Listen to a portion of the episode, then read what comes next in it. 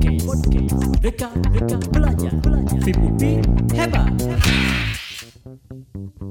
Assalamualaikum warahmatullahi wabarakatuh Salam sejahtera untuk kita semua Mahasiswa di mana pun Anda berada Kita bertemu kembali dalam program Podcast Merdeka Belajar Fakultas Ilmu Pendidikan Universitas Pendidikan Indonesia Bagaimana kabar Anda? Semoga Anda selalu dalam keadaan sehat walafiat ya Saudara, kali ini kita akan membahas tentang hakikat kurikulum dan sejarah pengembangan kurikulum di Indonesia. Bersama saya, Laksmi Dewi, dosen dari Departemen Kurikulum dan Teknologi Pendidikan, Fakultas Ilmu Pendidikan, Universitas Pendidikan Indonesia. Pada materi ini, kita akan membahas secara jelas tentang pengertian kurikulum, dimensi kurikulum, fungsi dan peran kurikulum, serta sejarah perkembangan kurikulum di Indonesia. Mari kita mulai. Saudara, ketika saya bertanya kepada Anda, apa itu kurikulum? Apa yang terpikirkan oleh Anda? Silabus, RPP, perencanaan pembelajaran, atau pedoman pembelajaran? Ya, jawaban Anda betul. Hanya saja, kurikulum itu bukan hanya berbentuk silabus atau RPP saja. Kurikulum merupakan salah satu komponen dalam sistem pendidikan. Bahkan, para ahli menyebutkan bahwa kurikulum itu adalah jantungnya pendidikan. Begitu pentingnya kurikulum dalam sebuah pendidikan. Namun, dalam tataran praktis, kurikulum itu adalah pedoman penyelenggaraan pendidikan. Contohnya, silabus, RPP, yang merupakan bagian dari kurikulum yang digunakan sebagai panduan pembelajaran. Nah, lalu sebenarnya apa itu kurikulum? Mari kita simak pengertian tentang kurikulum berikut ini. Kurikulum memiliki makna secara sempit dan juga makna yang lebih luas. Nah, mari kita jelaskan satu persatu. Makna kurikulum dalam arti yang sempit Kata kurikulum berasal dari bahasa Yunani, yaitu dari istilah kurir dan kurere.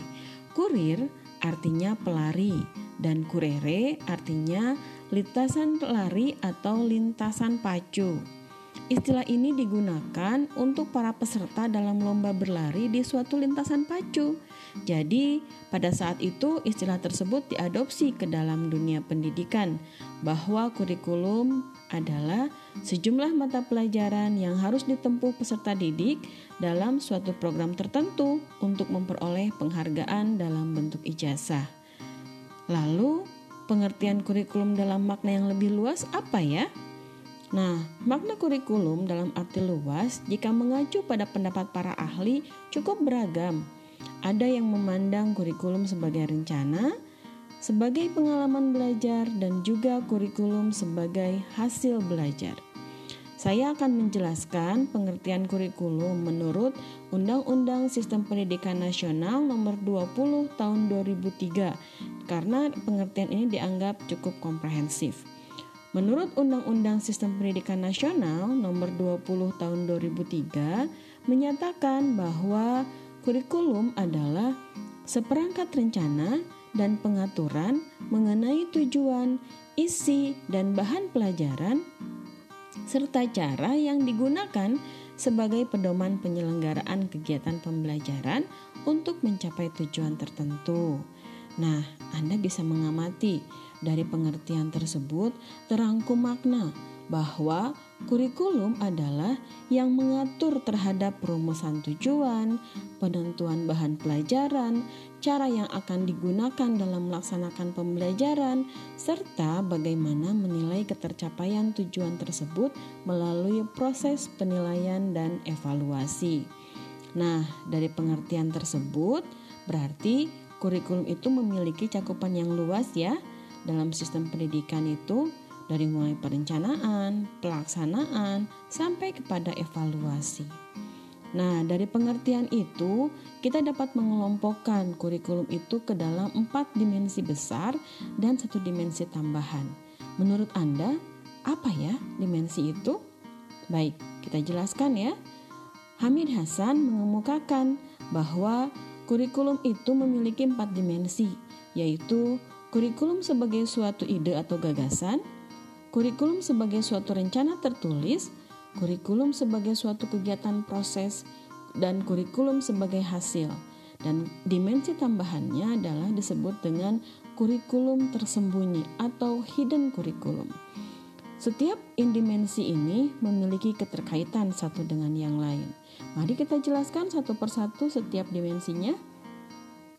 Menurut Anda, mengapa ide menjadi bagian dari dimensi kurikulum? Tentu Anda tahu kan, ide itu artinya pemikiran. Jadi, yang dimaksud dengan dimensi ide dalam kurikulum itu adalah pemikiran-pemikiran tentang apa itu kurikulum. Kurikulum seperti apa yang perlu dikembangkan? Bagaimana melaksanakan kurikulum itu sendiri? Nah, pemikiran-pemikiran ini akan terus bermunculan dalam rangka menjawab tantangan yang harus dijawab oleh pendidikan untuk menciptakan sumber daya manusia yang berkualitas. Biasanya proses ini muncul di awal sebuah pengembangan kurikulum. Nah, jika Anda menyimak paparan tadi bahwa kurikulum itu sebuah ide yang belum terlihat wujudnya, lalu bagaimana mengetahui wujud dari hasil pemikiran tersebut? Untuk itu, untuk dapat mewujudkan ide-ide yang muncul itu maka perlu diturunkan menjadi sebuah rencana. Inilah yang disebut dengan kurikulum sebagai dimensi rencana. Menurut kurikulum dimensi rencana ini artinya adalah kristalisasi pemikiran atau ide tentang kurikulum yang dituangkan dalam bentuk rencana-rencana dengan wujudnya adalah dokumen tertulis Selain silabus dan RPP yang merupakan pedoman atau acuan dalam pelaksanaan pembelajaran, masih ada dokumen-dokumen lain yang digunakan sebagai panduan kurikulum. Misalnya, dalam merumuskan e, silabus dan RPP itu diperlukan adanya standar kompetensi lulusan, standar isi, standar proses, dan standar penilaian. Nah, ketika kurikulum sudah dalam bentuk rencana, bagaimana kita bisa mengetahui kurikulum yang telah dibuat dapat diterapkan? Nah, untuk melihat realisasi dari rencana yang telah disusun, maka kurikulum tersebut harus diimplementasikan. Itulah disebut kurikulum dimensi proses, yaitu suatu kegiatan pembelajaran yang dilaksanakan dengan berpedoman pada kurikulum sebagai rencana sehingga ini menjadikan dasar dalam pelaksanaan kurikulum dan pembelajaran. Selanjutnya, setelah kurikulum dilaksanakan, tentu kita perlu mengetahui apakah rancangan yang telah disusun telah sesuai dengan pelaksanaannya ataupun sebaliknya, maka tahapan ini dilakukan dengan menyebutkan kurikulum sebagai dimensi hasil, yaitu suatu kegiatan untuk mengetahui perubahan kemampuan peserta didik setelah mengikuti proses pembelajaran yang sesuai dengan tujuan yang telah dicanangkan. Perubahan kemampuan yang ditampilkan peserta didik meliputi perubahan kognitif, afektif, dan psikomotor. Kemampuan-kemampuan yang terbentuk ini idealnya sejalan dengan apa yang telah dipikirkan dan direncanakan dalam dimensi sebelumnya. Nah, itu empat dimensi besar dalam kurikulum. Lalu, dimensi tambahannya yang tadi disebutkan dengan kurikulum tersembunyi atau hidden kurikulum adalah dimensi lain dari kurikulum yang tidak secara jelas tertuang dalam dimensi rencana. Namun, muncul saat proses pembelajaran berlangsung. Maka itulah disebut dengan hidden kurikulum.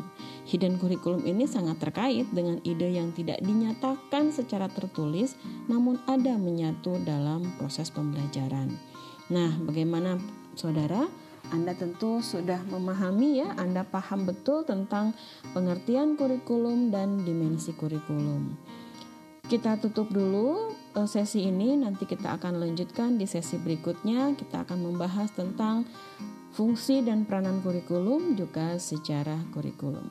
Terima kasih. Komunitas, komunitas, podcast, podcast, dekat, dekat, belajar, belajar. Hebat.